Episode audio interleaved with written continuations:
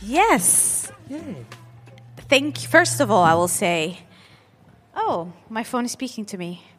Um, first of all, thank you all for coming on a quite rainy, cold Saturday evening here to Amsterdam North to Framer Framed. My name is Amal. I'm in the. yes. I, I, I, agree with Saada. You should definitely clap for yourself because I know what type of journey it can be sometimes in life. Um, this evening focuses on um, it's a let me just say it's an informal conversation. It is about it's called caring as lingua franca, the fiction, the myth, the myth and the fiction of Black womanhood. Um, I would like to underline again that it's an informal conversation and gathering of thinking together. So I would like to invite you all to speak with these wonderful guests Mariam, Ebissé, and Olave. And I have to say, this is happening, this gathering is happening in context of um, diasporic self, black togetherness as lingua franca. And it's a, I would say, a situation here in, in at Framer Framed and at 198 in London, created in collaboration with my dear, dear friend Barby Asante, who cannot be here because she's in London right now, and many different contributors. I will name them um, later.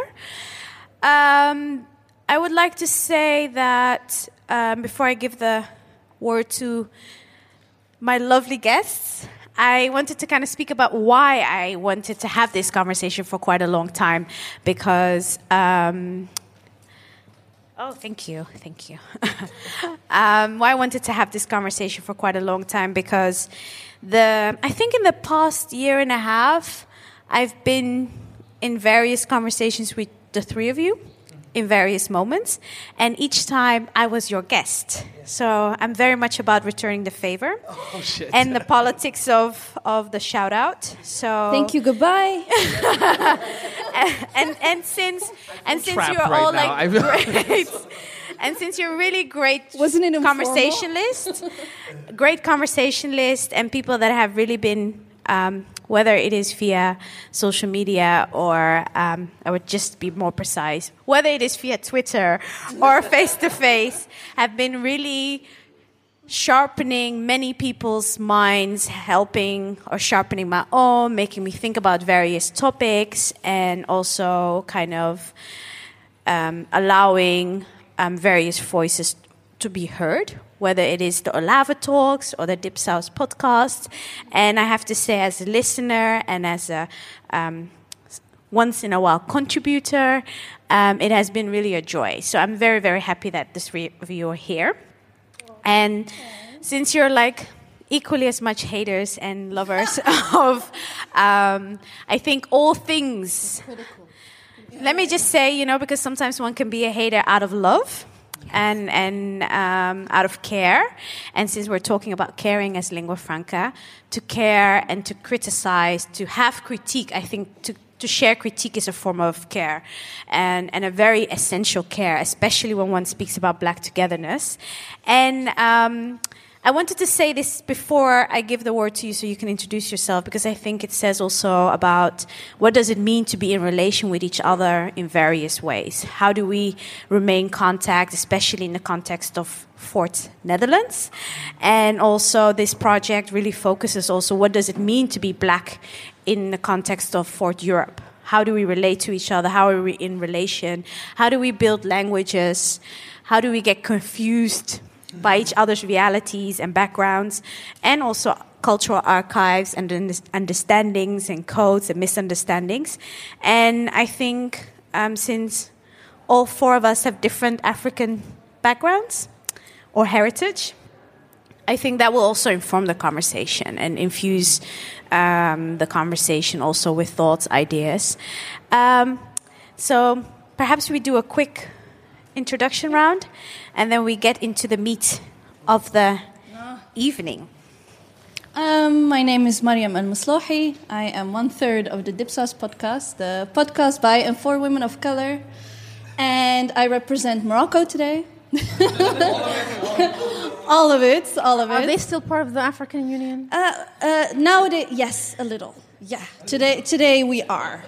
Yes, and um, and since January, I work as a policy advisor in The Hague. And do I have to say more? no. Whatever you want to share with us tonight. So if that's it. That's No, it. that's it. Uh, my name is Ebissé Bakjira Rao. Um, I'm one third of the Dipsaus podcast, co founder of the Dipsaus podcast. Um, I am originally from Ethiopia. Um, oh, uh, You're not used to being interviewed. no. Not at all. That's so weird. um, and I'm really afraid of mics, you know that. Um, and I started working as a policy advisor for the Arts Council of the Netherlands as of uh, 1st of January. And uh, we are also starting our own little imprint where we go, we're going to publish books under the Dipsaus flag.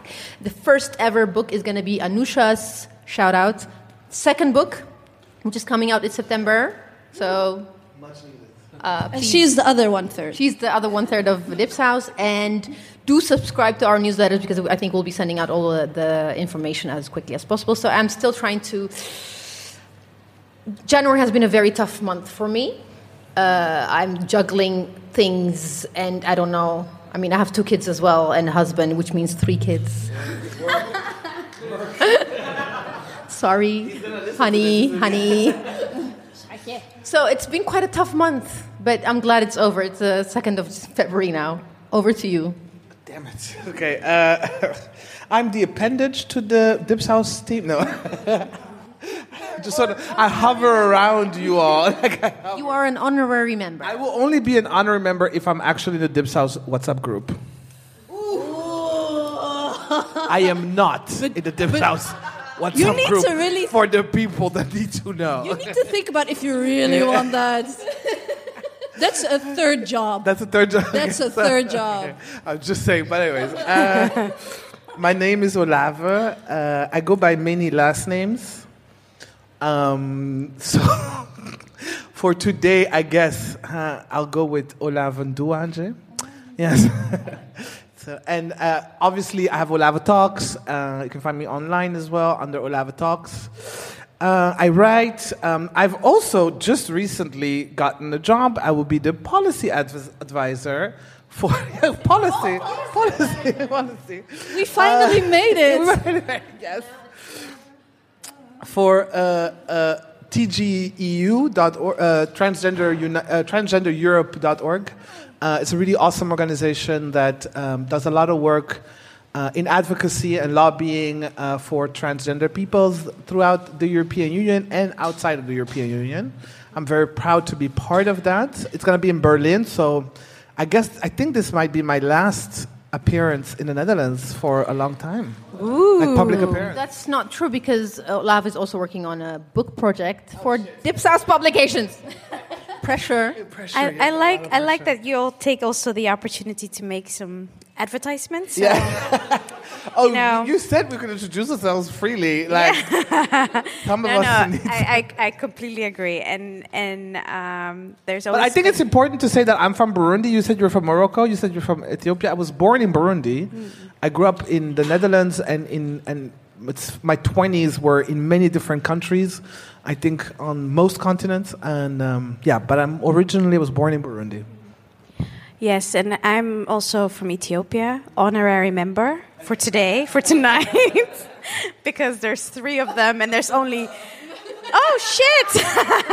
okay, I will. I will claim my Somaliness because it's also three of us in this space. So then there's an equal amount of the countries that do not love each other that much on in on the east side of the African continent, and. Um, it's always the Ethiopians' fault. Um, and um, Take it to the UN. I'm, I'm, I have to say because I, I think in a way as a um, the jokes already started of like having four Africans uh, on. It's it's it's. I'm not. I, I thought about it, you know, because I was actually come like mentioning to Ol- Olave that um, somehow putting these programs together, one has to really negotiate um, all the different black um, realities and backgrounds one has to consider. And then I realized, to my own kind of shock, that I haven't invited yet, or Barby and I haven't really invited yet, someone who was um, Surinamese, like a black Surinamese person. So, um, and then Olave said, I can't believe. You're the only because you might be the that. only person that forgot to invite um, or did not think of inviting a black Surinamese person. But somehow, it, it you know, of course, it's it's definitely not intentional. I, I want that also to be on the recording because you know, I know I will be questioned soon.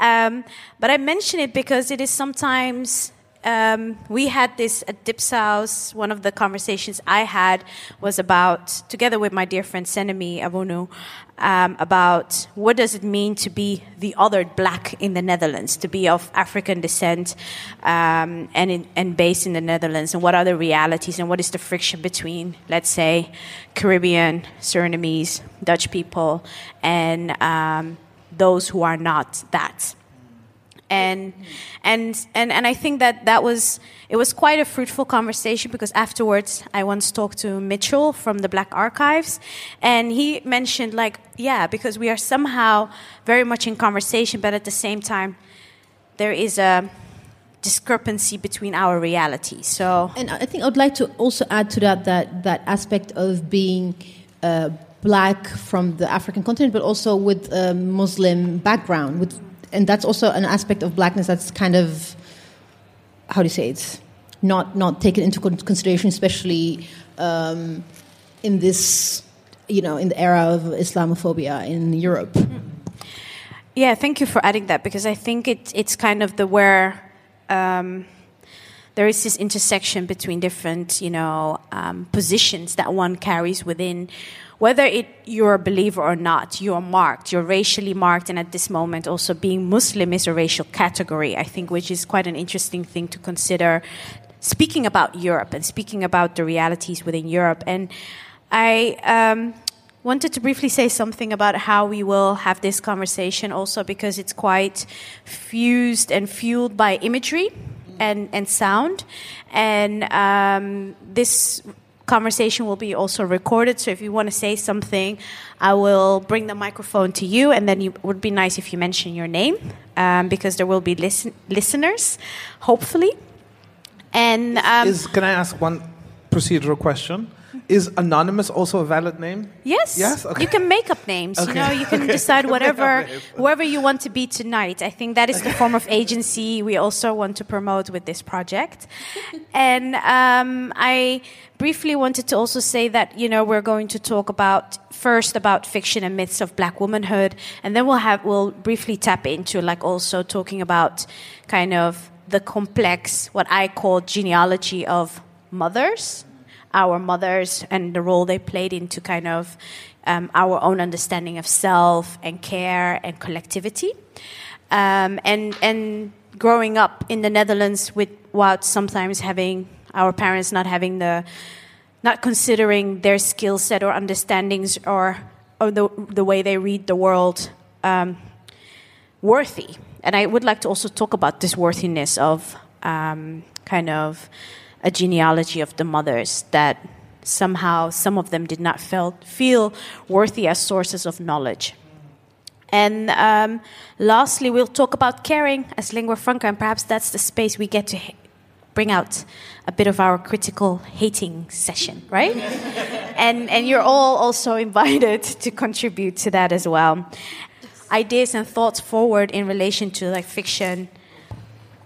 Ah, okay. So I started. I had to do a little bit of uh, research about first when I saw the title and it was Black Womanhood. I, I really had to think about um, what it actually was and the myth.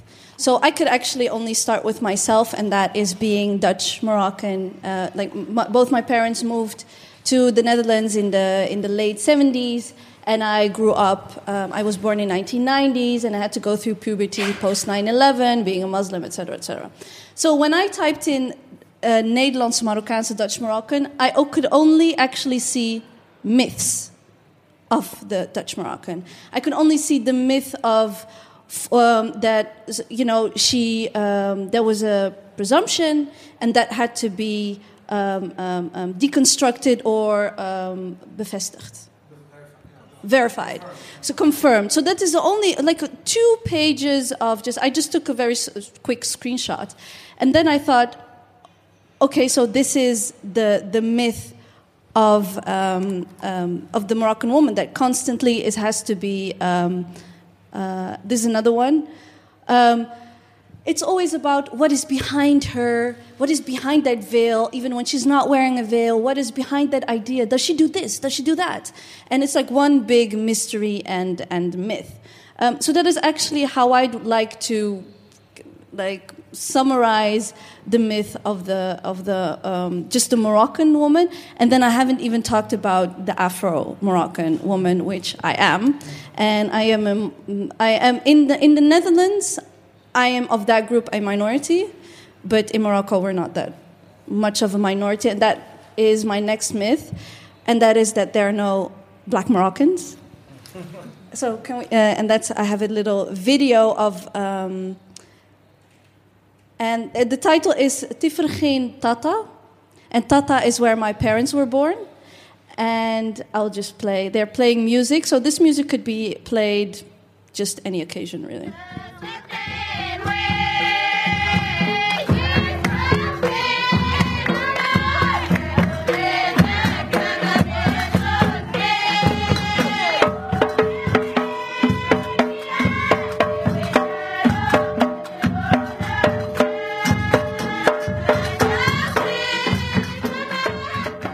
To say something also about the African, or let's say the black Moroccans, because I think it's such a contested, questioned within the Moroccan community, community, but also amongst other black people. Yeah, so it's a bit. I had to really think about every time I'm being asked to talk in an event where the word black is really like um, present or as a title. I really have to always, like you say, negotiate what is my what is my place here do, am I taking space? Am I not? Is my fight not somewhere else? Isn't my fight within the Moroccan community that has a lot of anti blackness? And actually, the journey of identifying as black has to me different contexts. So I'm very, it's almost, it was almost an act of resistance to openly identify as black within my family because they have, in Tata, they have gone through a, a, a, uh, first, the, the whitewashing, which is actually, equal to the Arabization. And I will tell you more about that when I talk about the motherhood and, and language and how I do not, for, for example, I cannot understand what they are singing. Um, so when I when I think about black womanhood, to me it's a bit in a different situation because I'm not really one of the big groups of black people who are here in the Netherlands. Um, so it took me a while to actually dare and have the courage to, to do that. And there was also a little bit of fear with me because I didn't want to upset anyone or ask silly questions or be. Um, um, um okay. No, I, I, oh, I get okay. it. So that's why so, I was just. So the the thing is, is that for me, and also considering colorism, considering featureism. It's all a thing. I have to think about the way I look. I need, in the Netherlands, I need to think about what happens when I walk the street. Um, and that is where I have to realize that maybe in the context of the Netherlands with the Islamophobia, I am more. Uh, my oppression maybe lies more within the exoticism, Orientalism, the, the Moroccan belly dancer, the beast in the bed, and what whatnot. Um, so, and of course, being a Muslim, those were the identities that were really projected on me, and the thing where I had to spend most of the time researching, um, finding out more about what is my place. Okay, then my identity is Muslim, and that's it. If that's what everybody is telling me, then, then, then I'm just going to take it. It isn't until I think the Black Pete discussion in 2014, 2013 where I thought, wait, there is a huge, huge oppression within the Moroccan community when it comes to being black or being Afro, Afro Moroccan. So I and then I and then I started remembering things when I would go. I had to learn Arabic and Quran every Saturday and Sunday at the mosque, and I was actually and then I had to actually think about all the slurs that were thrown at me, and now being from from the north, and and then I started actually through the activism with Black Pete and through being vocal about it, I actually discovered. No, no, I went to research and think about blackness and what is it? And is it something you claim? Is it something, okay, here is blackness, and I'm gonna decide if I belong to that concept or not? And I actually did something else, and that is look within the lineage of my family, within my ancestry, see if there was anything as black. And that was very easy, yes. and then I had to discover what it meant in the context of the Netherlands. And in the context of the Netherlands, it means that I do not have a colonial relationship to the Netherlands. So I don't, I do not have the slavery connection to the Netherlands, which puts me in a, in a different position, which just means I'm just a different type of black. Mm. And that is this. I just want to add that whatever we show or talk about today, we'll put it all in the show notes on our newsletter. And also, when you download the podcast, you'll find all the relevant links to everything.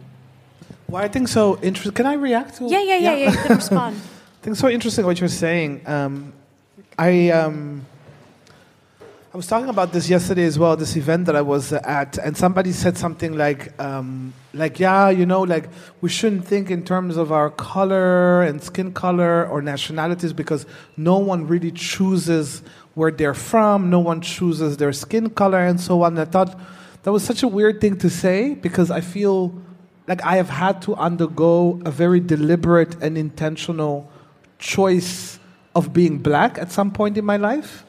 I think I have had um, such a such a very long time that I've tried to assimilate into sort of the white Dutch standards of whether it's intelligence or rationality or civilization, whatever, you know, like I've really tried, like, at university, I would try to be as sort of like not black as possible because, you know, I mean, and I really identified, I really thought that it was possible to not be that kind of black person, right? And obviously, I'm very, very black.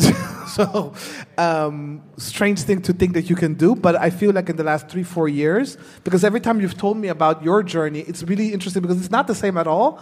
But I can really see and empathize with this sort of like, like claiming and this this sort of like yes i am black and what does that mean for me? And how can i love it? And how can i sort of carry it in ways that make me feel proud that i don't have a way to like try to like convince people that i'm real black right? And i've come to be like no but i'm this kind of black and it's it's it's um, so I could totally empathize, emph- well, empathize and sort of feel with this need to claim blackness and to love it and to cherish it and to make it more, to make it enrich it, right? With just the diversity of all of our experiences. Yeah, exactly, because it's it's. I, I had to discover that there were layers to what I am, and and that it was binary or or whatever. That they were entwined in a way, and and that I had to fill it in. I never had the, and I'm thankful. I never had the urge, like you said, like to be to go in with a culture of blackness that is dominant in the Netherlands. I never, I, I, never felt that or felt the need to do that, or else I am going to be that Moroccan who doesn't want to be black. You know, that, that, that never, never ha- has been the case.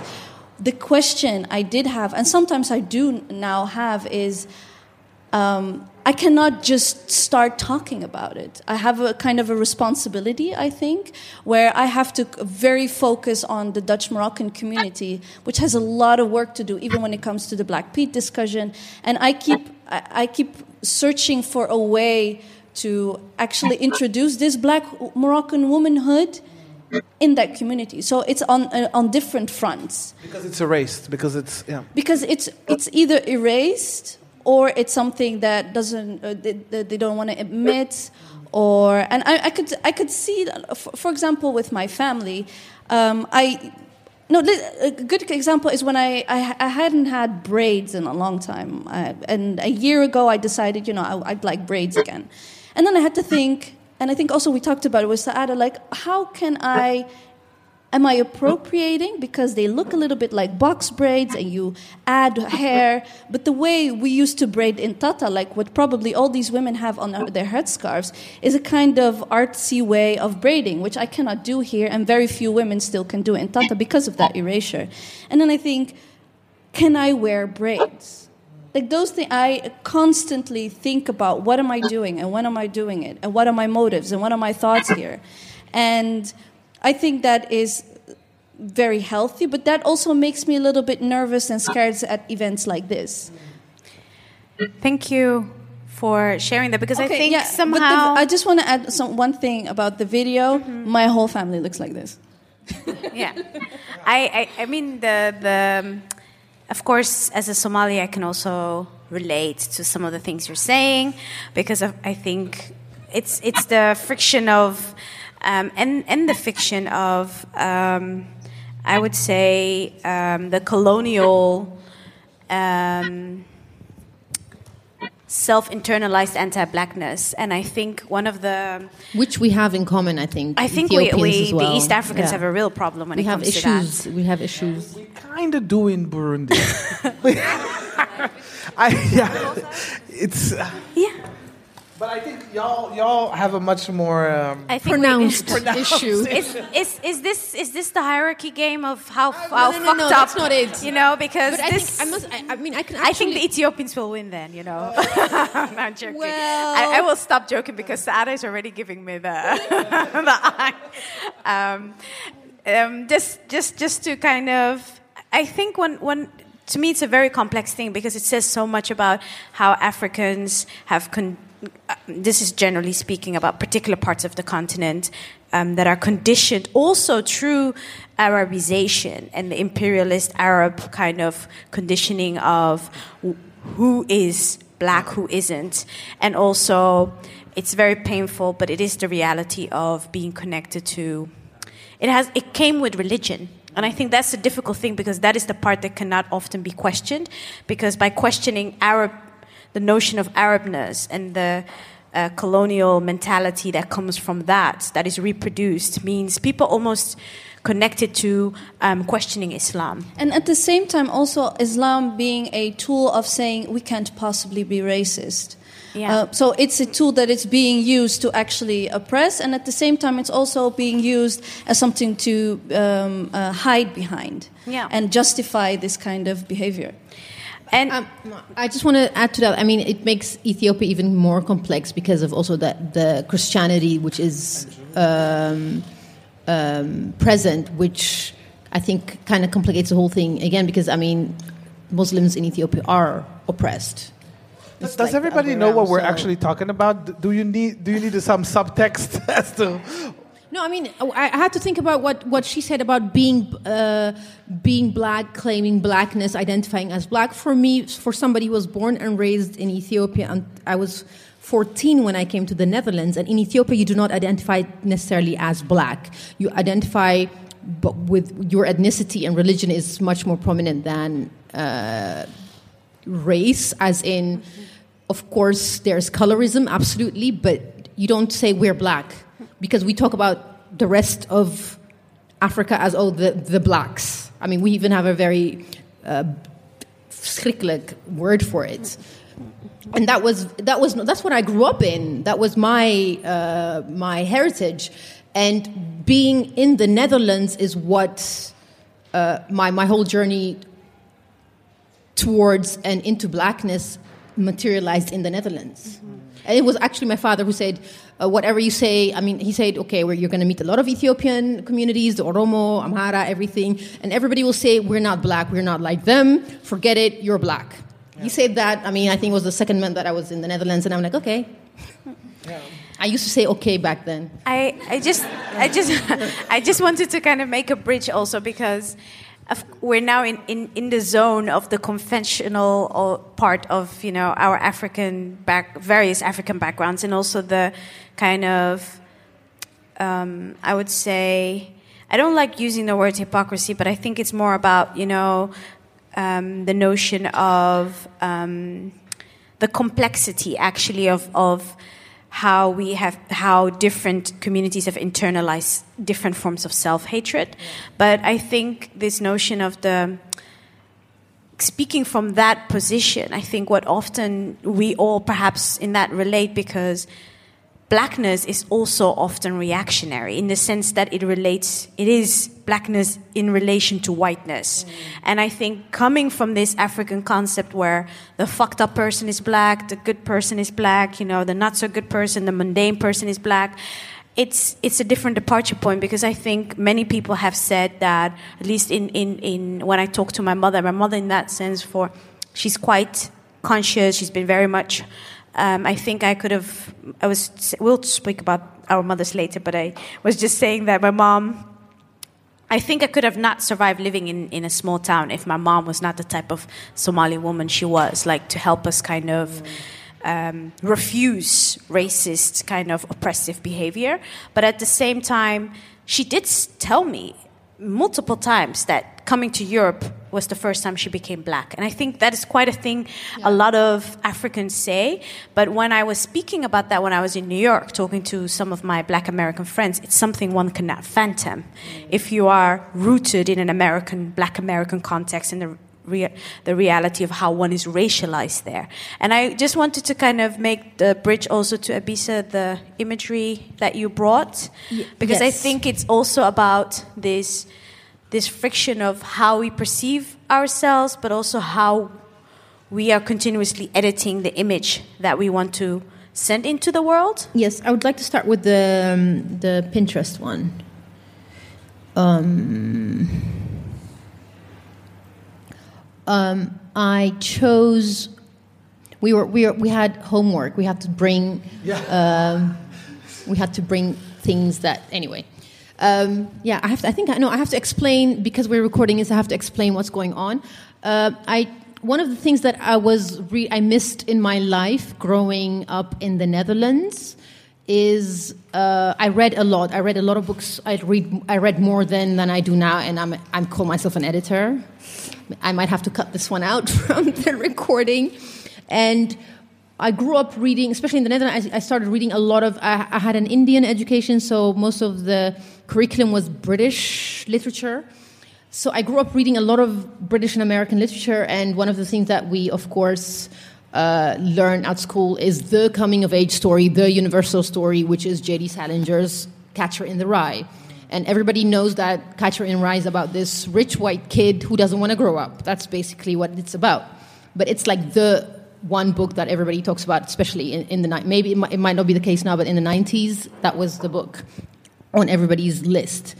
And I, after, I think I was already 35 when a friend of mine who lives in who went back to Namibia told me like you have to read Nervous Conditions by Tsitsi Dangarembga. She's from um, Zimbabwean writer, and that after after I read it, I was really I was just like I was upset with the world in general. I was really upset with the world because that was what I needed at that moment in time when I was a black teenage girl living in Amstelveen that's deep. That's hard. Reading books about coming of age books, adventure books, young adult books, like the famous five. There's a Dutch, there are Dutch versions as well. That's like one of the many books that I read about adventurous children. I did not read Nervous Conditions, and I wish I had because when I was reading it, it's about. Let me say this correctly. I I always like my notes. Maria makes fun of me. I need to write things down. Um. It's in a shortly. It's, it's a coming of age story of being an African woman in a patriarchal society, and it's also it's it's it's about two girls who were, I think they were friends or sisters. I forgot. I'm sorry. It's been a long time, but it's also it's it's also um, it's also about patriarchy, but also the how do you say the the struggle between modernity and traditional way of living. That's basically in an, and that's something I think even if it's a particular story to Zimbabweans. Zimbabweans will understand more than I will ever do, but it's it's a universal story because in Ethiopia, I'm a first generation city girl. I was born and raised in the capital city, whereas both my parents are from the rural area. So I'm a second. I'm, uh, I'm the first generation. So, in that sense, that duality between the rural way of living and being like modernity is also part of my upbringing, which like I said, I needed this. I did not need a rich white kid being upset in, in wherever in America. So, but what I wanted to say was what also kind of when I was doing researching uh, this for this show, I found book covers. I found covers of various uh, the various print runs. Oh, look, that's um, what's his name, uh, J.D. Salinger's covers. The one on the far right the one up there and the one to the far left, they're all the, the, older cover designs. The one that you see in the middle with that very pretty, acceptable to white people cover with the picture, that's like the current edition. This is the edition that you find. And I, I was kind of like also saddened that this very important book for a lot of young black African girls the world over when they reprint this book, they choose this this this imagery, which kind of it broke. I mean, I realized it yesterday. I'm like, I think I need to. Uh, that wasn't my intention, but that's one thing that I that also kind of annoyed me and also again there we go with the hating i was like what happened to i mean she knows Tsitsi why didn't she, why did she let this happen that was the first question that came to my mind as an author why would you let this happen I, that's all I wanted to say. And could could you maybe say something also about what you know what you read into this image? Because I think um, if you're listening to and, and the others, like why why would you think? It's not. I mean, it's too. It's too. I mean, if you didn't know what it was about, it doesn't say anything about like a young woman's coming of age story. I mean, I don't think the the the, the story that that you read is not what you see in the imagery. It's too I don't know. It's almost. Um, yeah. yeah. Why is her the gra- hair seems a bit like basically oh, also because straightened. rural area. She comes from uh, she grew up in the rural uh, Zimbabwe, but the fact it's like almost a photo shoot. It's like a fashion shoot. It's it has nothing to do with, with, with the story. That's that's what that's what annoyed me. I, I think what I can I respond to yes, please. What I think I, I also when I was uh, growing up I would go to the library to try to find stories of people, of kids, my, you know, like me, and um, and I think I, when I've heard you say this before to me on the phone, and immediately I realized that I had a suspicion that perhaps your teachers and the communities around you when you were growing up didn't necessarily think it worth their time to look up like what you could, what you, where you could mirror yourself, maybe because black girls, specifically like young black girls, already like they're so they're so sexualized, they're so criminalized almost. There's a lot of suspicion towards black girls that maybe no one thought that you needed something um, that you could mirror yourself to maybe they thought you needed to mirror yourself to white boys or white girls you know like sort of the civilizatory attempt like oh we'll, we'll show you our values you know so no one really was like, okay, we're teaching this kid at the school. Maybe we should look for something. Even though you're in Amstelveen, they could have looked this up. You know, they could have given you the, the, the, books that you. I ended up just reading fantasy stories because that's all. Like it was just it was an interesting to read. I remember the famous five and all, and it was just not interesting. They I couldn't. There was nothing about them that made me feel like it gave me clues as to how to live my life. So I went into fantasy stories, and I remember that I would deliberately try to ignore the descriptions of characters in fantasy books as white. Like I, when I was reading Lord of the Rings, I was like 13. I was like, they're all black. That was a decision, you know, I made. This alabaster elves and stuff. No, I remember, I remember my Dutch, my Dutch teacher, Dutch, Dutch language from Nederlands, Dutch uh, teacher, collecting all these books about. Um, um, he called them stoute Marokkaanse meisjes.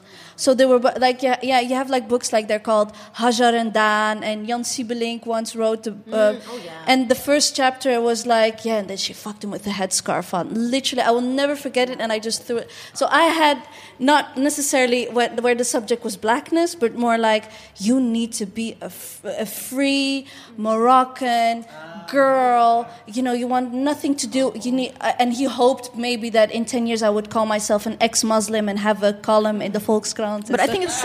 I mean, I would. but I would argue that it's the same for. Um, I think there there are books written by Dutch people about black women, especially Surinamese women. The Buitenvrouw from what's his name? I forgot his name. He's a famous Dutch writer. Joost Zwagerman. I have not read it, but I know it's like it's a horrible book. You should not read it if you are a young black woman from Suriname. You have read it, and that's the thing. I think and that and I think I had like um, I used to read a lot of English books because I went to an Indian school um, in Ethiopia, not here. It would be interesting if there was an Indian school in the Netherlands. Um, but when I came to the Netherlands, I had to read Dutch novels for Nederlands. And they gave me a list. I did not. I did. I mean, I did not know what. So I just started reading them. I was so traumatized. I did not read Dutch books for over twenty years. I was like, and I'm like in that sense, I, I wasn't. How do you say it? Exposed to these things. I, it's something that I started uh, researching well after I was in my late late twenties. But I know that they do exist as well for for black women.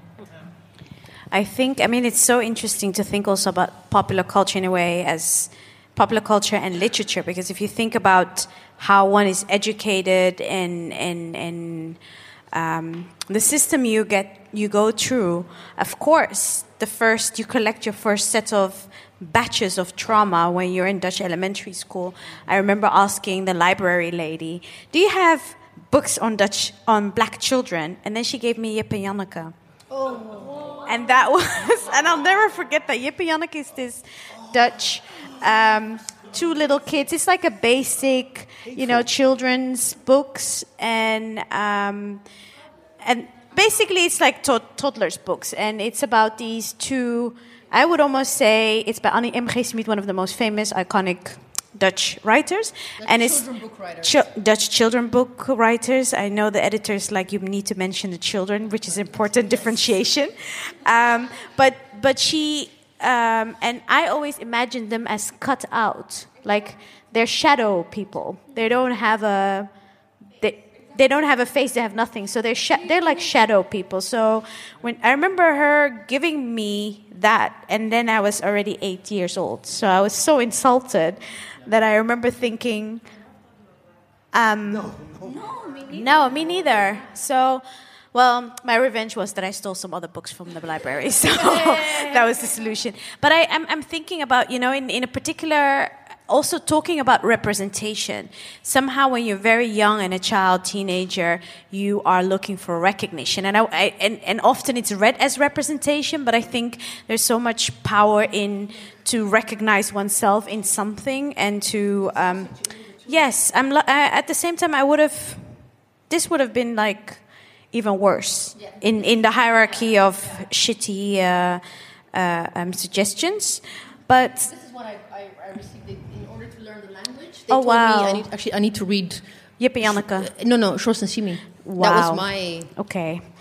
Um, Wow. I just I just wanted to ask you something, Ebissé, because in a way you also have worked for so long on in, in literature as an editor about you know this. There's always this question about who gets to narrate one's own story, where's the agency, and then when I think about like um, the blockbuster stories as a Somali, you know, you had this. There's this one Somali writer, um, woman's writer who who's kind of like to me the um, a great example of the mus- the black Muslim woman who is emancipated of Islam and who has you know and, and there have been two of them I, I forgot her name but the, no in, in the Netherlands I forgot her Oh. name Um, Ayaan Hirsi Ali and uh, Yasmina Allas. Yasmine Allas.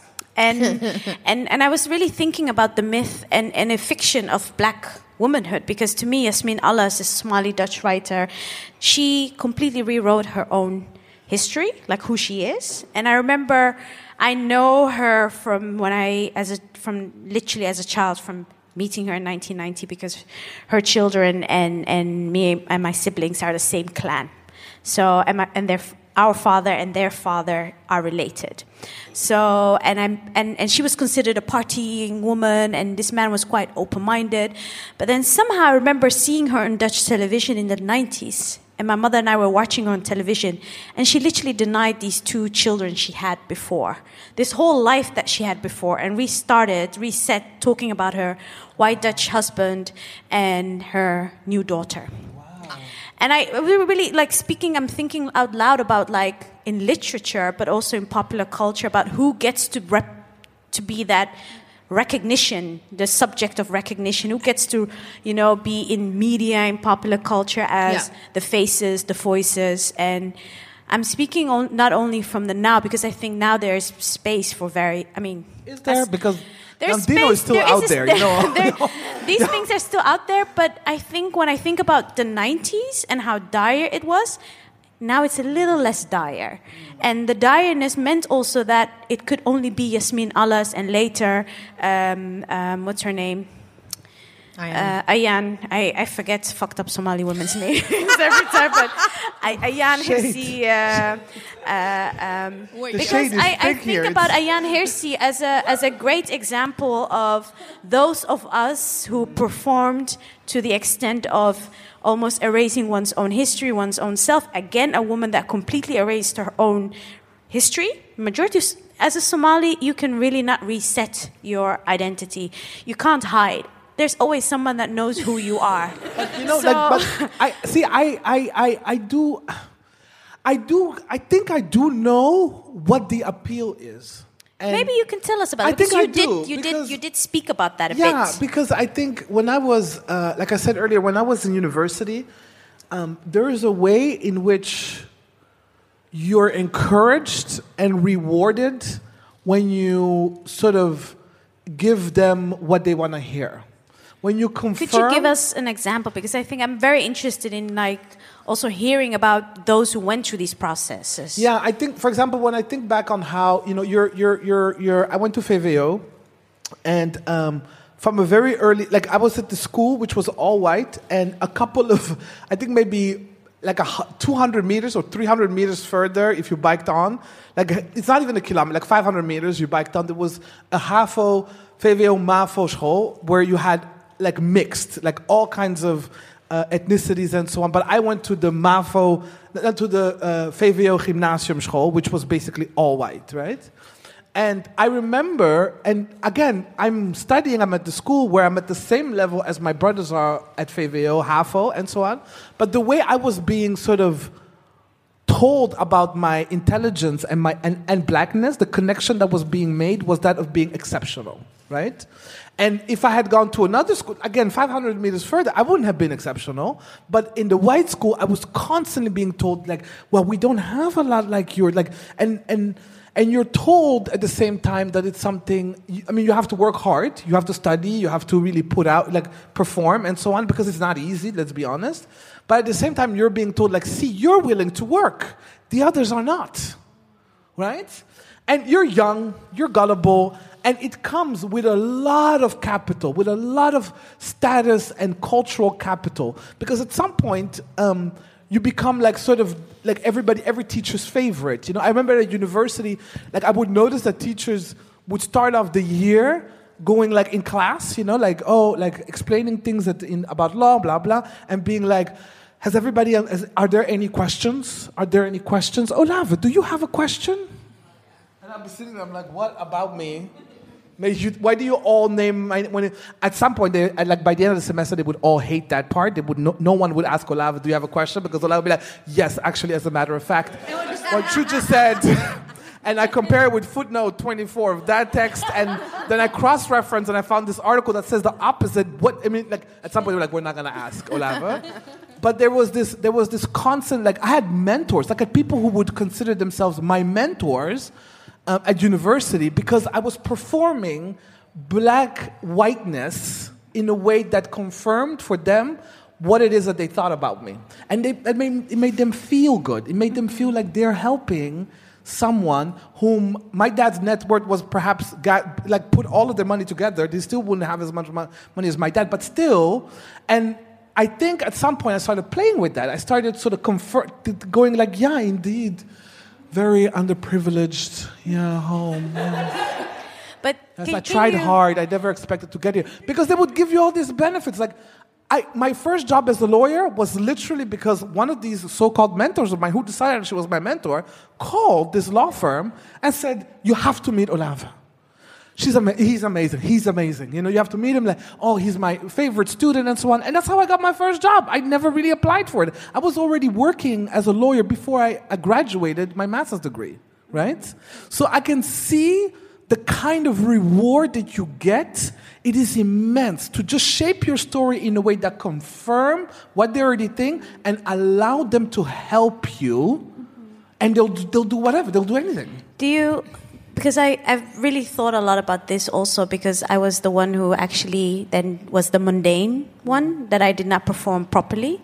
Um, and I was just wondering that, because I thought a lot about this, and I think it has a lot to do about the white savior complex in relation to the African, the authentic African. And in a way, um, I've been asked, and, and also in relation to the black supernatural. And I think so many of Can you us. es- explain what you mean with the black yeah, I was. supernatural? I was. I've been using the the concept of the black supernatural to talk actually about someone I really like, but I will not mention the name. Um, I I understand black Are we supernatural. talking about Beyonce right now? All of a sudden? Like, that was- what? Who are we talking about? No, but we can talk about Beyonce. We can talk. Do you want to talk about Beyonce? No, no, no, that's not. I- that's No, the reason why I'm asking is because Yeah. we're recording it. it yeah, no, be- I I, I yeah. will because I wanted to talk Yeah. about it also in relation. I put up your image, your Mm. Yes, wonderful I'll explain the African image. futuristic image. Um, the black supernatural to me is also the the black body that performs so eloquently, so perfectly that is almost a machine. Mm. It's non-human body, and this is where I do borrow from the Afro-pessimistic, and that's the end of how much I borrow from the Afro-pessimistic um, theory people. Um, because I think it's quite an interesting concept. This idea that a black person is actually so unreal, you know, that they are not human because they're capable of some juju stuff. Like they're able to perform in such a way that it cannot be read through the white gaze. Um, and at the same time, it confirms what the desired eye wants to see the black the unknown black person you know that the thing that you the black that you have that i mean black athletes often get called that but i think black academics have it And black Uh, women. and black women but i also i think more my idea is actually more black men than black women specifically in the netherlands. Maybe in france i would say it's black women instead of black men because i think there to be a black woman is a different type of positioning in society. Of course it has a lot to do with the the, The black French. woman and and and sec- the you know black the extreme black sexual being. Um, and that's something something else. But i was just wondering if you could maybe um, Well, yeah. Well, I chose I chose this picture, another picture. Um, this is uh, Princess Emma Bayingosha. It's one of the uh, well, one of the last remaining images of royalty in Rwanda. Rwanda and Burundi are very similar culturally and so on. So we borrow freely from one another. Or so I will claim in this space because y'all don't know. the Randis would not agree with what anyways, but, um, what is really interesting about this image and the next image as well is it shows it's it's, it's pictures that were taken by a very famous uh, uh, uh, uh, a painter, a woman, white woman, who would go around uh, Africa, East Africa, and be taking pictures and then painting uh, black people, right? And she went to Rwanda and Burundi and started taking these pictures of the princesses and like if you read the descriptions, they're not named. These prin- this princess has no name in any of the records by the the the the the the the, the, the, the photographer, the painter. So um, I found out later. I was able to cross-reference and found this by Nyingosha, like what Emma, uh, Princess Emma Banyingosha of Rwanda, but like talks about her in ways that are like it's just the descriptions are so fantastical like oh they embody the greatest of graces and they represent the most beautiful women on earth. And like it's superlative and it's it's it's really extreme. And i found these pictures uh, at a time when I was also kind of looking for references, for images, for some kind of um, maybe trying to create my own cultural archive of what it has meant to be Burundian, Rwandese, and black in East Africa. What has that meant? How does what, how has it looked like? Trying maybe to get a feel for it. And when I was younger and I started seeing these images, I thought that they were saying that they were sort of imparting a particular kind of truth about where I've come from and what it used to be to be Burundese. But the older I get, the more I'm actually, I don't know, like a part of me is very suspicious of the fact that these women become like statuesque and they're, the way that they're, the pictures sort of freeze them like all pictures do, but it almost seems as if there's no internal life. It's almost like in the background, the white makes her like like a statue, right? It's like it's perfection, and there's no soul in it. But I grew up with women who look like her. Um, I grew up with princesses, and they didn't look like this. They didn't act like this. They laughed, they cried, they had back problems, they had men problems, they had, you know, worries of their children, they had money issues, and and I get really suspicious because I don't. There's there's none of that there. You know, this is an image of of another time of something almost alien and very futuristic. But and I'm getting older and I realize like the reason why is because this is a colonial gaze. Like this is a medium and the way, the angle, the choices, the posing. I wonder whether I'm not actually looking at a woman who's like, why is this white woman photographing me? like, what does she want? Okay, I'm just gonna stand how she wants, and then hopefully she'll go away, and I can live my life, right?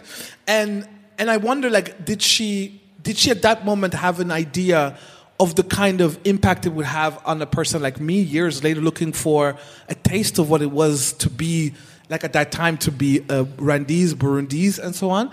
And I think in it also there is obviously some of the things we talked about like they would the white people came and saw burundians and they saw tall people with very straight noses very regal in attire and so on and decided well they can't really be black they can't really be african so they construed all these anthropological race studies where they would uh, like basically claim that tutsis she's tutsi um, were sort of egyptians like who got blacker by moving down south.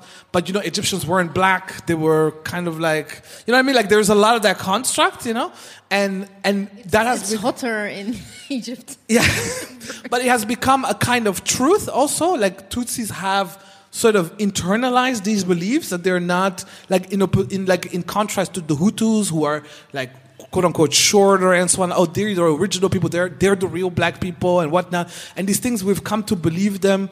And I find like a lot of the of the current like so the more the more uh, um, modern mythologies that we're creating have a lot to do with this like these African queens and so on who are like sort of amazing and a lot of time also are supposed to do everything for their man and you know ride or die type of attitude. Anyways, but, um, like I feel like some of the imagery like like Black Panther. Are we going to talk about Beyonce? like well yeah Beyonce did that too you know like it's sort of like oh this sort of days of old like of old and so on but again we're here we're the women of now right? We're here and we're trying to live. We have back problems, we have men problems, we have money issues, and no one seems to, you know, like I meet Burundian women who still dress like this in Burundi. They are there, but they're peasant women. You know, and no one takes the time to go p- photograph them and like do really beautiful stylized etchings of them on Instagram and be like, I'm looking for a real queen. because they're peasant women, you know, like, and, you know, we're, I- we're I just wanted to ask you about this because I think it is, of course, the, how much of the colonial gaze has been internalized in various African countries, also to the point where all we're all hyped up about doing DNA tests. Um, then to only figure out that it's Don't the same. do DNA tests. it is the People need same. to stop. it is the same. It is, I wanted to know if I was Ethiopian. That's the only thing I wanted to know. I was done. I was tired by disappointing Ethiopian people and saying, I am just Moroccan. I'm just scum. Sorry. It's true. They speak Amharic to her when they see her. They don't speak Amharic to me. They just randomly speak Amharic to her. They don't think I'm Ethiopian. I'm Kenyan. I, I, I DNA was- testing, you know, like that's what you I, I get. think that's what I you think get. the whole the whole DNA thing is is is so much tied into like the anthropological research that has been done around um, genetics. And if I look at like for example also how so much of the Somali, and I've read also a lot about the Ethiopian, but so much about the, specifically about the Somali, the way the Somali has been constructed as 30% this, 30% that, 30% this other thing, is so much about we can't explain what you are, so we're going to go to all the old white. Like literally, they are 30% Greek or some other old European, 30% this because of the phenotype and all these nonsensical things. And I was really thinking a lot about like this construction of internalized myth and how so much of um, if I think about Somali, and I'm, I'm sure maybe Ahmed here or Hodan want to say something about that. Um, like let's say the, the war generation now the war generation who were kids during the war now we're all getting quite old because we're heading towards 40 but it says Excuse me. yeah um, i mean it says it says also I'm just getting started. Wait till I'm 90, then I'll be like, yeah, no, but Which, which it- it war says- are you talking about? The I- one I that we tried to. No, not about 1977. I'm, I'm, I'm, I'm talking about 1998 and then 1991 because there were two moments. Um, it, it's, not, it's not all about the Ethiopians. There's some shade Um, coming from the from the audience. But Hey, I was oppressed too. I, I was just I was just saying because this um, I thought today we were not going to have oppression Olympics, you know, or the, hierarchy of, No, of, one of the things that we- one of the things that we discussed was like, does Amal have any idea what she's getting into? Yeah, Which is we, we talked about. We interview called each other. We called You, each other. you like, all has she mentioned any idea? Beyonce already multiple times. You all mentioned, you know, like all type of thing. I'm concerned, but um, I I was just just thinking a lot about like the how internalized anti-blackness is also within various black communities. I think that's maybe uh, speaking about black togetherness. Our collective anti-blackness is real, and at the same time. Um, I've been thinking a lot about, about also how do we construct our own realities, and, and especially coming from a country that is completely re- it, it, it went parallel in time it you know the war was kind of like a it's not a reset it's literally like oh let's shift to this side. And i'm i'm saying that specifically about the somali context because i consider it as a shift because um, women were dressed more visibly muslim and people act as if we went back in time. But i think it's quite a contemporary notion of being somali um, to be visibly veiled. And it, it's still this veiling does not mean that our worthiness is diminished or is mis, you know, misconstrued or women are, don't have agency anymore. It just means that through the Eurocentric eye, we are no longer more than people. And, and I, and, but so many of us in the West are obsessed with wanting to be more than people. So we dig, you know, we could make these wonderful um, Tumblr um, where we almost retrace what Mogadishu as a happening city with clubs and you know beautiful contemporary art and um, really problematic fascist Italian architecture, but that is considered beautiful from the Eurocentric gaze. Um, and, and we're reposting that. And for a long time, I've been looking at it and I thought, ah, this is very interesting that through nostalgia, we connect with each other. But the nostalgia also does contribute to the the fiction that we want to see. Because our everyday people the way we the somalis look today if you're in the country do not look what some of us in the diaspora desire to imagine ourselves. And i was just wondering how how you all three of you have been you know like Yeah, I think that's very interesting for the thinking about context of Western Europe and how we find each other through whatever we can call anything that resembles blackness because there's obviously so many types and so many layers and so you know there's class like we said there is um, being growing up in a city or rural or anything and i think i've always because as I was looking at this, because I haven't seen it before, I'm thinking, oh, but it's my first reflex, and to be really honest, is, oh, but this is beautiful. I wish there were pictures of black Moroccan women more often during that time, but they were not considered and by the French or by Moroccans as beautiful, as worthy to be actually documented. So there are very few pictures of, of this. And then I noticed when I was, you know, you know, googling Moroccan women, this and that, I was over romanticizing women, Moroccan women, but specifically black women, as these power women and they're so strong. So I wouldn't let myself be um, sad or cry or whatever because I would think, no, no, because I think um, she has to be strong and she has to be this. And I think. I think the over romanticizing to be a Western was yeah how can you say this a western afro moroccan dutch moroccan well it's very complicated subject I person could, I could for, for a muslim woman it's it's to be, for example, I used to have the discussion about the haik, and that's like fully, um, fully um, veiled, but like a little bit of see-through, and that is like a very, very iconic image of the, for example, Algerian independence, because women could hide behind it and smuggle weapons, pistols, and that kind of stuff. But then again, very, very smart. And but then again, I would think am I over romanticizing this? Was it a tool? Did they want to wear that? Didn't didn't they want to wear that? So just like you said, so I had to think that of that imagery when you were talking about veiled Somalian women. That I think, well, it makes it, it it's conflicting because I want to go back, whatever that may mean. You know, going back to Morocco. What does that mean? I've lived there for maybe a year. Um, wanting to have that back and going to Morocco and seeing how things are lost through white supremacy, through that Euro- Eurocentric way of thinking. Um, this kind of architecture is good and this kind of way is, is, bad. Like, why would I want my grandfather to still, still be traveling on a donkey when a car is so much easier?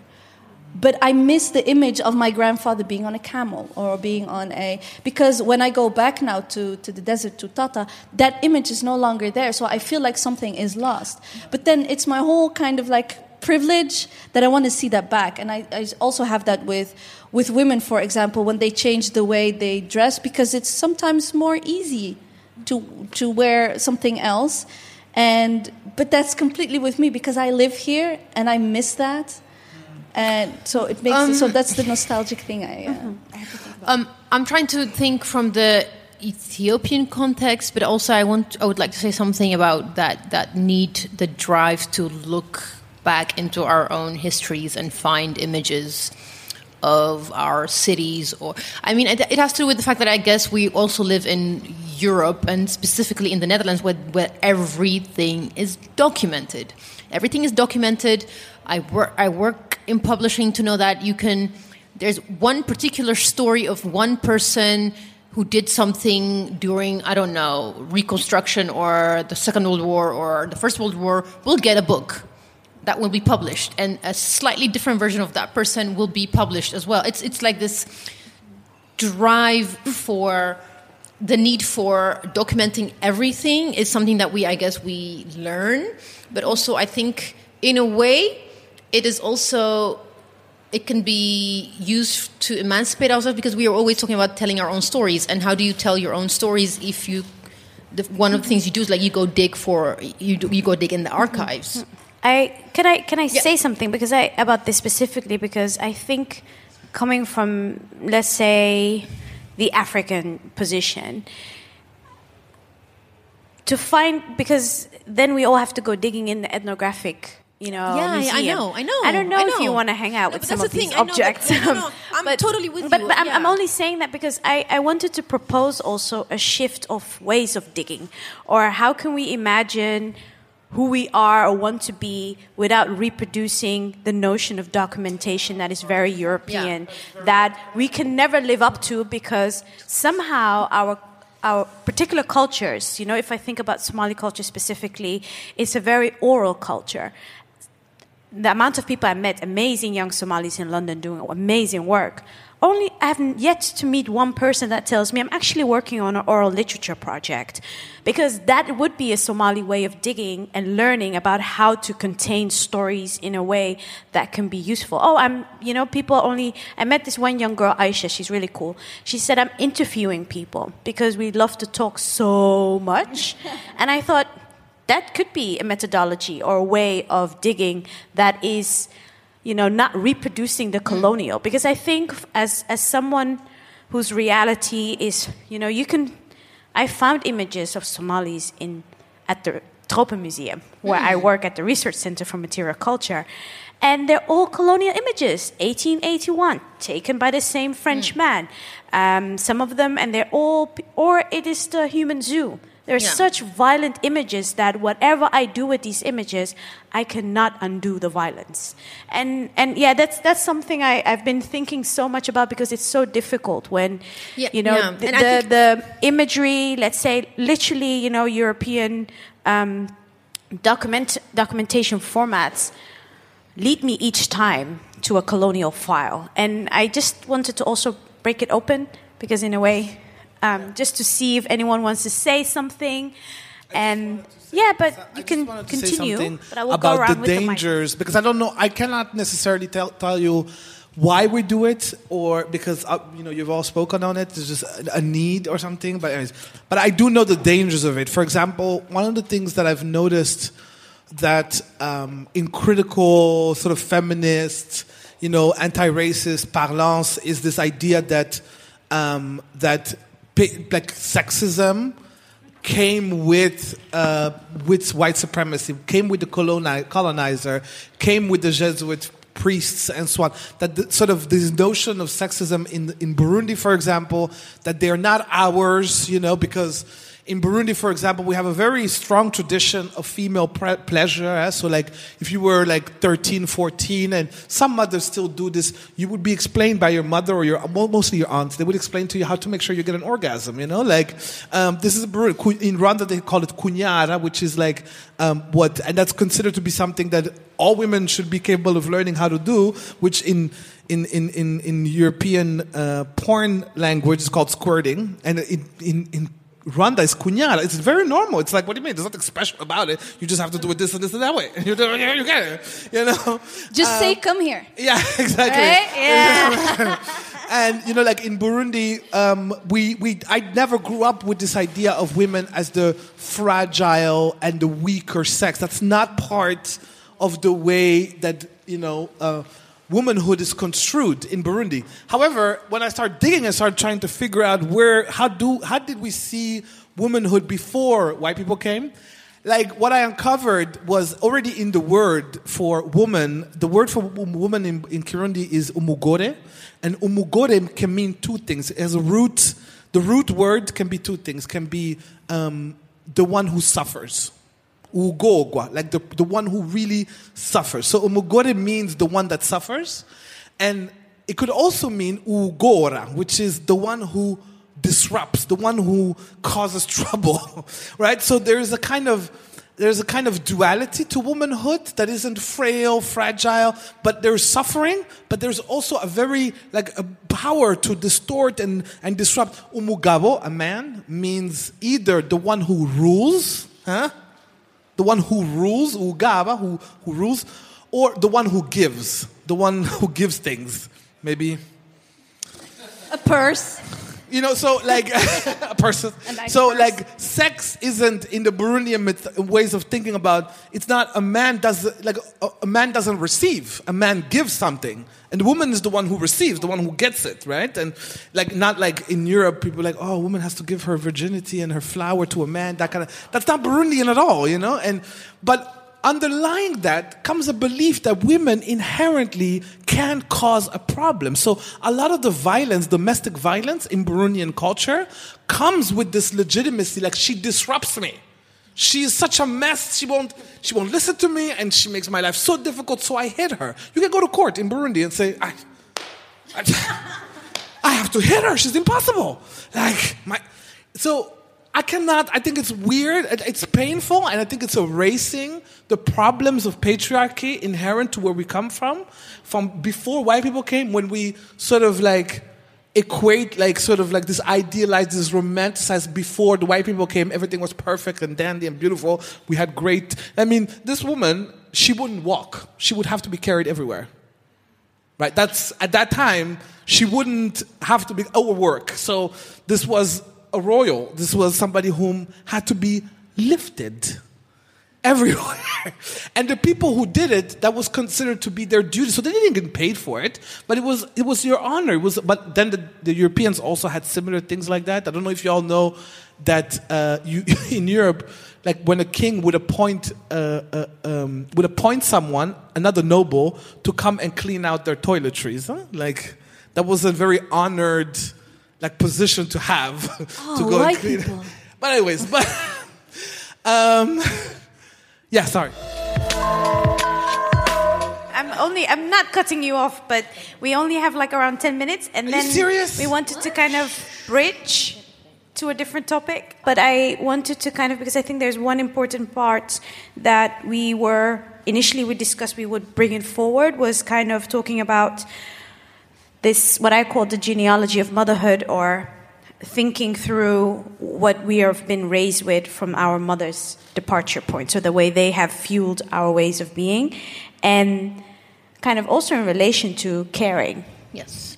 and perhaps Ebissé and Mariam both of you want to say something about that and then or uh, respond to that and then we can open it up again Uh, where where to start? With uh, mommy, Um, mommy, mommy, I think Well, I think when I think my mom came to the Netherlands like when you were 14, so she had.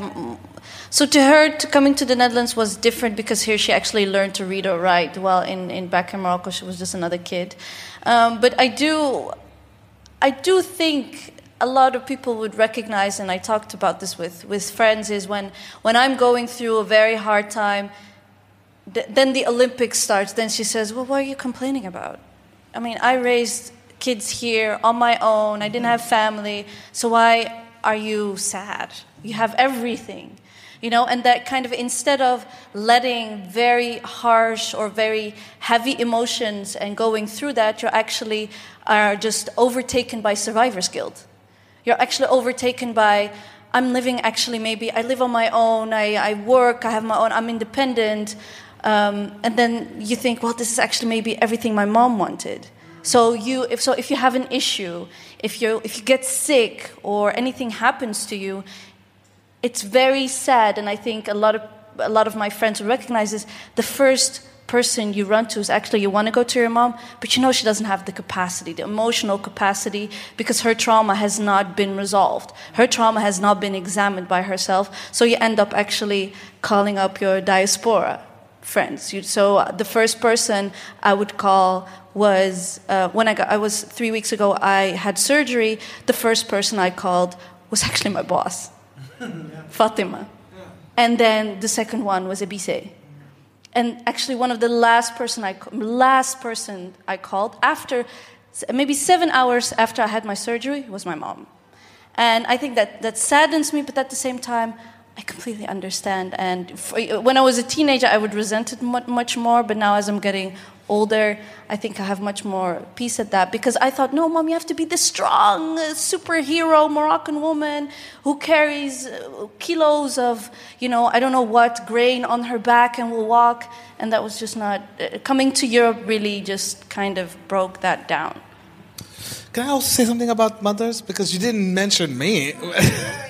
I realized the reason why we're actually talking about this is because it's you. You actually came up with something About quite profound about your Wow. mother. Yeah. But now that you're all talking about this, I don't know if there's really time for my story, for the story my mom used to tell me, but um, there's this one thing I'm just thinking about this trans- transformations. Um, I really, I really, I remember my mom growing up as a kid as literally the most beautiful woman, the most in control, most the most important person in any setting. She would be surrounded, like growing up as a kid, she was surrounded constantly by her aunts and her sisters and cousins and nieces and and her friends, and everybody just loved being around my mom because my mom was very well off with her with my with my dad and so on. So my mom was also a very generous woman. So whenever her friends would come and like, oh, I love this ring, she'd be like, have it, have it. And then my dad would come home like, I gave you that ring for our anniversary. Why did you give it away? She'd be like, oops, you know, and like, so, and this was me growing up as a kid in Burundi, and my mom turned in, in when we came to Netherlands. She came, in, she turned into a very depressed, lonely, deeply lonely woman, like, and also very deeply religious. And um, my mom was became also a very secretive woman, and I think gr- coming to Europe, like nothing had prepared her for the for the the solitude that is inherent to being a woman in the West, in Europe. The kind of constant community that she was used to growing up, constantly being surrounded by women all the time in everything you're doing. No one prepared her that when you come to Europe, you sit in an apartment with your six children and you send them out to school and the other women in the neighborhood all of them are going to be cleaning their houses and you also have to stay in your house. And they're white women in the neighborhood so they don't want to talk to you. They think they might want to come and bring you their leftovers or things that they don't because they think you need it or something you know? That you need to travel huge distances to find your sisters and you have to go to belgium you have to go to Paris, you have to go to London to find your, your sisters and your cousins and so on who have all fled. I think no one prepared, and she became deeply, deeply depressed. And the first person who ever told me about suicide as something you should think about was my mom. My mom would tell me, and because we were very close, and she would tell, tell me like, "I'm only gonna stay alive for you, to, for you kids, because I don't want to do this anymore." You know, and constantly, and that was like sort of growing up what my and I think also like my depressiveness. My, my, I've had clinical depression for like a very long time in my life, and I've had multiple suicide attempts. I think it's because what you're describing, when you're talking about like this unresolved pain that uh, and traumas and sa- sorrow that our mothers carry, you know, pass on. And what was interesting when you talk about, I realized um, just sitting here, I realized that all of the things that I picked as images and as sort of examples of blackness and black womanhood, all of them are deeply steeped in issues of loss. And I think that's something I just realized, and I'm thanking, I'm grateful for this right now because I didn't realize that black womanhood to me had become like a story about lo- different ways of losing things, you know? So thank you all for giving me that today. I learned something. Thank you. I mean, all three of you shared quite profound and intimate stories of. But then again, it's also like it's almost our. That's what we share with a lot of people with our background. So in a way, it, it's I think in that it is in yeah. that intimacy of being in a way also with let's say chosen family. Yes. You know, beyond one's own, you know, like let's say um, immediate family or the kin kinship, if we use anthropological terminology. And I'm, i have been thinking a lot about also because at the same time, you know, it, it brings sadness, but it, there also, in the loss, there has also been, you know, the share of perhaps one survived beyond if, if i think about I, I can see trauma being present in so much of black togetherness if i can think about black, black togetherness is about trauma. And i'm wondering also to you but perhaps also f- for the others and then we go to uh, matisse. Um, could you maybe speak about what these traumas have done for you? Like what you know in a way because of what have they done? Because Olave kind of touched on that that it that inheriting depression in a way. And I'm just curious, like, is it something that one can, you know, um, through the chosen family, find a way of caring or healing? Well, actually, the thing that, that I have always uh, kind of lived a, a, long, I think until 2013 or 14, always with the idea I'm leaving, I have to leave somewhere. I have to leave. I'm always was preparing to leave, and I did it to Morocco. I did it to Lebanon. Always prepared. I'm gonna leave, and I think when I started um, finding people here, and one of the most important ones are mostly black women, uh, Ebissé, Anousha, Saada, and all so many other people that I found thinking they you know I, I recognized the loss but when i realized i lost something and i can't run away from it i decided to look for something and that's and that's really that family that made me want to stay. And some, and even some people on Twitter that I've maybe saw twice, or maybe that I even don't talk to a lot. It just comforts me that I know that there's that they're close by, and and that I can re- reach out to, reach out to them. Um, I think it's in my case it's also similar uh, because it was just my parents, my brother, and me in the Netherlands. And of course, there was an Ethiopian community. And then it was during the height of the inter internal war that was going on as well. So you had to, eh, and then we had this thing about are you Oromo, are you Tigray, are you uh, from Eritrea or Amhara? There was a whole bunch of stuff going on within the Ethiopian community in the Netherlands. At some point, I didn't want to be take part in that, so I kind of distanced myself, and therefore I didn't have that. Uh, sense of community that my mom did find in the Ethiopian community, and also by becoming very overtly religious. That's something she became especially when she, she, came to the Netherlands, uh, she found her sense of community with a lot of. Uh, when she went to church, she is, by the way, she's Protestant. We were raised Protestants, which is like a tiny, tiny, tiny, tiny minority in Ethiopia. She goes to an Orthodox, Coptic Orthodox church, whereas in Ethiopia, the, Cop- the Copts really despise Protestants. It's, it's, uh, but she just went, she goes to the Coptic, Coptic church for a sense of community.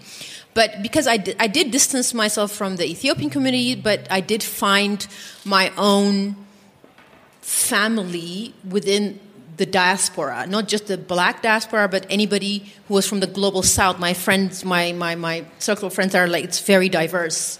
And one of the reasons also because the school that I went to, because I was 14, I needed to learn the language from scratch. So I ended up in a class with 30 different nationalities. Nobody spoke Dutch. We were all allochtone. It was it was me. My high school. It was amazing. I, it, I had the most amazing time. Things started going south when I started to study, but but on the other hand, also not only because you went to Leiden. We, we share this trauma. Me too. Yeah, yeah, yeah. share me too. this trauma. But also, on the other hand, I did grow up. The Ethiopia that I grew up in was a completely, almost completely sealed off totalitarian Marxist Leninist dictatorship. So we survi- survival was the norm. That's how you living means surviving. So when I come to the Netherlands and I do live in a very affluent country, I became very I'm very pragmatic in in, in a sense. So even if um, things go south, I'm always thinking like it, uh, my my how do you say it? Uitgangspunt outlook is like things can always always get worse. That's my that's how I deal with a lot of the pain and the, even the trauma and the pain in my personal life as well as around me. My way of dealing with it is, is being very pragmatic. I know where I came from. I've seen a lot of stuff happening in Ethiopia back then. I'm like, things can always get worse. That's how I. That's my way of of, of dealing with trauma.